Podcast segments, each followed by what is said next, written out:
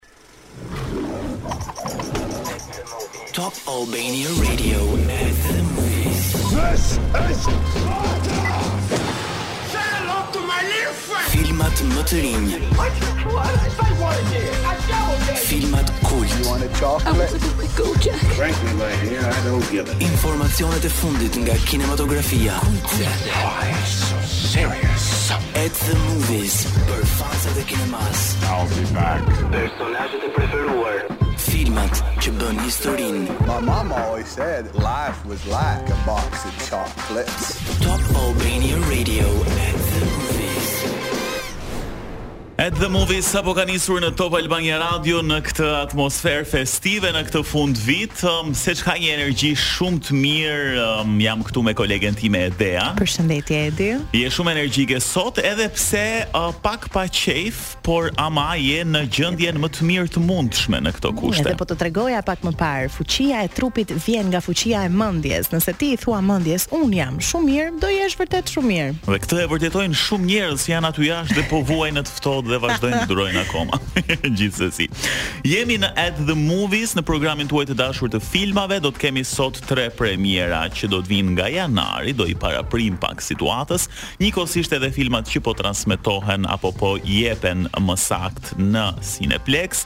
Dhe në pjesën e dytë të programit ne do të bëjmë një lloj përmbledhjeje të vitit dy mijë e njëzet e tre se çfarë ka ndodhur, ngjarjet që shënuan këtë vit për sa i përket kinematografisë. Dhe çfarë viti ka qenë ky? Një vit i ngjeshur, ë duhet thënë me shifra shumë të mëdhaja që erdhën pas pandemisë si nga ë të ardhurat që patën filmat, por edhe nga pjesëmarrja në kinema që më në fund njerëzit u rikthyen me të drejta të plota, nëse mund ta quajmë kështu, në kinema. Ne kemi shumë lodra këtu në radio dhe unë dua të përshëndes të gjithë ata që po ecin me makinë tani me një lloj simboli. Do doja shumë ta kishe shmangur këtë përdorimin e kësaj lodrës, po jo. jo. Okej. Okej, hera e parë dhe e fundit që ti e bën këtë për sot dhe në vijim. Do ta nisim programin me një nga kolonat zanore, ndoshta mm, më të shpërndara në rrjetet sociale, por edhe më të dëgjuara dhe si këngë e mirë është nga Barbie dhe është nga Dua Lipa, do ta nisim me Dance the Night. Rikthehemi në program, tani është momenti për të prezantuar premierat që do të vijnë nga janari në Cineplexx. Do ta nisim vitin mbarë me filma shumë të bukur, edhe pse në këto momente që flasim ka filma të jashtëzakonshëm në Cineplexx që uh, janë publikuar apo premiera e tyre është dhënë gjatë këtyre ditëve të fundit. Do ta nisim me Next Goal Wins. Për çfarë bën fjalë ky film? Le të dëgjojmë pak trailerin. Guys, next season I think we have a real shot. I'm sorry, uh, Thomas, did nobody tell you?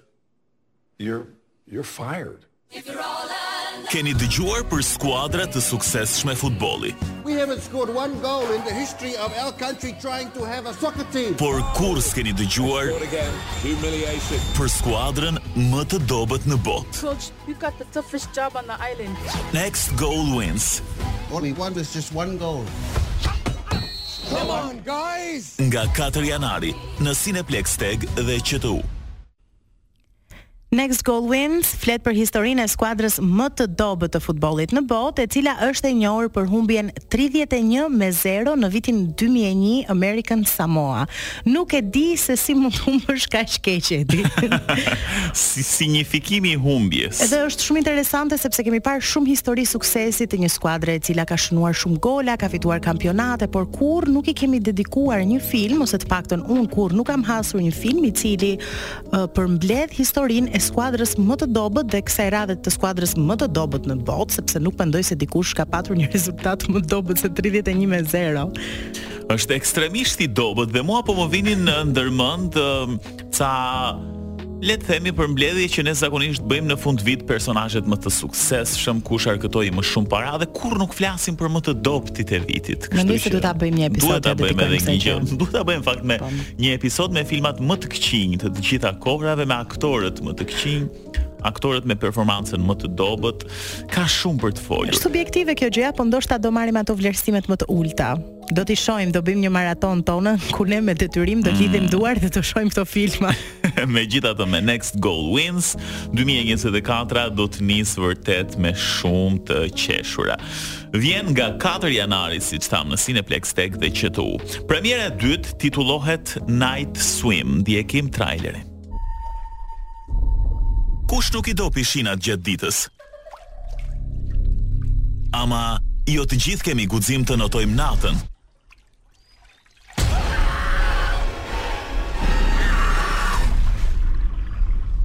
Ronan Marco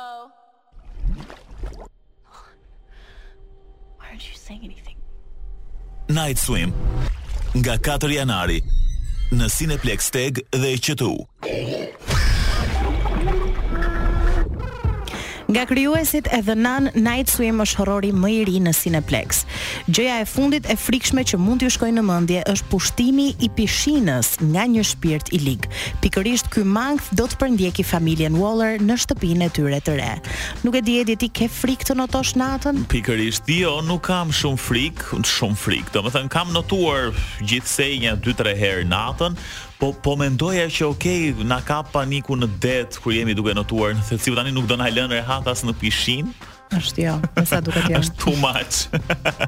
Sepse vetëm në pishinë nuk kishim menduar se mund të ndodhë uh, diçka e frikshme. Mendoj që kot është uh, quajtur dhe titulli i filmit është Night Swim, pasi skena të çuditshme ndodhin dhe gjatë ditës. Dhe është ajo elementi që ti thua, "Ok, po nuk ka problem të notoj unë tani se para dite është dritë, e shoh çdo gjë që kam nëpër këmbë, por jo, me sa duket ky nuk është realiteti i familjes Waller. Një shpirt i lig edhe në pishinë dhe ajo ndjesia e mbytjes duhet të jetë vërtet i frikshëm, kështu që kush i ka qejf filmat horror është një kombinim për mendimin tim që shumë i frikshëm saqë thjesht kur e mendoj një njeri që mbytet apo tërhiqet në pishinë nga një shpirt i lig, është një skenë shumë e frikshme. Nga 4 janari edhe Night Swim vjen në Cineplex, ndërsa premiera e tretë, jo më pak e rëndësishme, madje shumë interesante, titullohet The Beekeeper apo nëse do ta përkthenim shqip, Bletari, ndjekim trailerin. I just got a message saying that there's a problem with my computer. Yes ma'am, we got this. Kur ligji dështon, një tjetër forcë i merr frerët. Scamming the weakest in our society. Buddy, I'm counting to three. One, two. Ai. Jason Statham është bletari. Honey, We have to kill him before he kills his way to the top. Nga 11 janari në Cineplex Tag dhe QTU. A beekeeper, a beekeeper? Well, that's not good. Jason Statham është një ish-operativ i një organizate klandestine të quajtur Bletarët.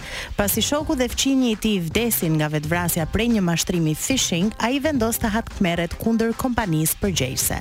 Dhe siç e dëgjuam nga traileri, kur ligji dështon dhe është i pamundur të zgjidhë problematikat e njerëzve, hyjnë në lojë këta të cilët janë një grup që quhen bletarët, beekeepers, unë do e quaja mbajtësit. Po, po. Për, për, për kujdesësit e bletëve, mm -hmm. nëse kjo bën sens.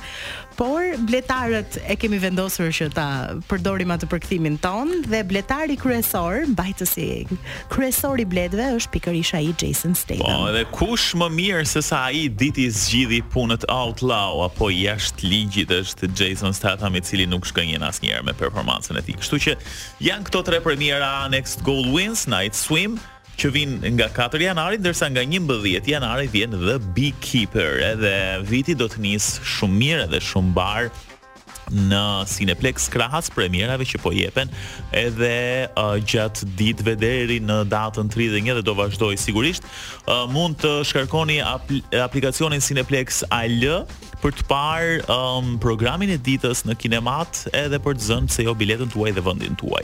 Mirë, pas pak do rikthehemi për të shënuar pak edhe ngjarjet e 2023-shit sa i përket kinematografisë. Rikthehemi në At the Movies dhe siç ju premtuam në pjesën e parë do të flasim pak për lajmet më të zhurmshme të 2023-shit dhe një nga lajmet më të zhurmshme të kinematografisë në 2023-shin ka të bëjë me një nga filmat më të zhurmshëm të këtij viti dhe ai është pikërisht Everything Everywhere All at Once.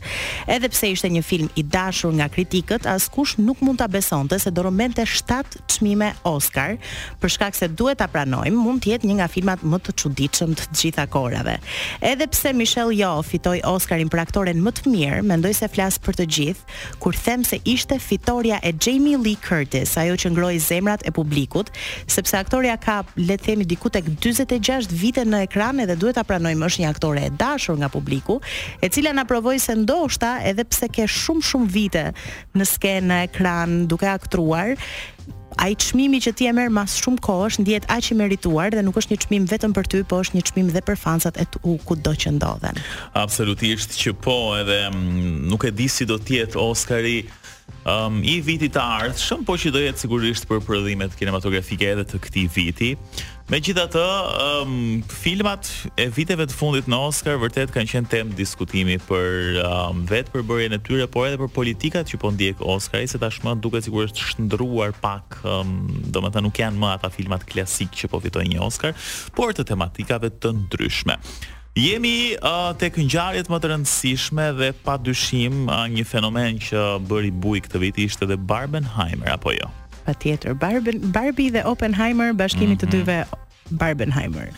Ishte uh, pikërisht dalja e të dy filmave në të njëjtën ditë që shkaktoi një bujë aq të madhe dhe arkëtuan mbi 100 milion dollarë dhe 80 milion dollarë përkatësisht në të njëjtën fundjavë, që do të thotë për vitin 2023 ishte fundjava më e madhe që nga para pandemisë, pra sa i përket të ardhurave, njëkohësisht dhe fundjava e katërt më e madhe e të gjitha kohërave, sa i përket të ardhurave, por edhe prezencës, që sigurisht kjo përkthehet edhe në prezencë në kinema. Edhe në fillim të daljes së dy premierave, dukej sikur Oppenheimer po e merrte atë, po tejkalonte Barbin dhe po fitonte, por historia ka treguar që Tani, sot që ne flasim, Barbie ka korrur diku tek njëqind e gjashtëdhjetë e dy milionë dollarë, ndërsa Oppenheimer tetëdhjetë e dy pikë katër milionë dollarë, thuajse gjysmën. Mm, sa i përket filmave në fakt që kanë grumbulluar më shumë në dy mijë e njëzet e treshin, Barbie renditet i parë, vjen Super Mario Bros The Movie në vendin e dytë,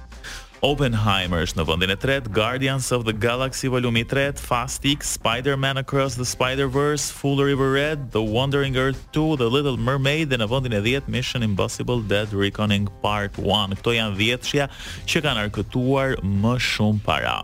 Një gjë tjetër që na ka mbetur në mendje është padyshim um, greva e SAG-AFTRA-s në Hollywood Ëm nisur pak nga inteligjenca artificiale, shumë skenaristë, shkrimtarë, regjisorë edhe aktorë pa fund në fakt u ngritën në protestë për shkak se inteligjenca artificiale u rrezikon punën. Ne kemi parë që ajo po përdoret masivisht të paktën këtë vitin e fundit, domethënë nuk ka fushë tash edhe në politikë, ë po fillon të bëjë pjesë inteligjenca artificiale dhe padyshim kjo i shqetësoi um, aktorët, regjisorët, punonjësit e teknikës dhe jo vetëm kjo, po ishte edhe çështja e kushteve të punës, rritja e pagave dhe një sërë gjërash që në fakt pati një protestë që nisi në korrik deri në nëntor edhe vijon ende. Çfarë kujtojmë tjetër janë padyshim um, edhe ngjarjet um, të filmave shqiptarë, unë doja të ndalesha pak në fakt tek në kuadër të dashurisë që theu dy rekorde, ishte filmi më i ndjekur i vitit dhe ai që ka shitur më shpejt 10000 bileta në kinema. Pesë herë jo po ashtu ka shitur mijëra bileta në një ditë të vetme. Janë uh, prodhimet shqiptare që rikthyen edhe publikun shqiptar në kinematografi.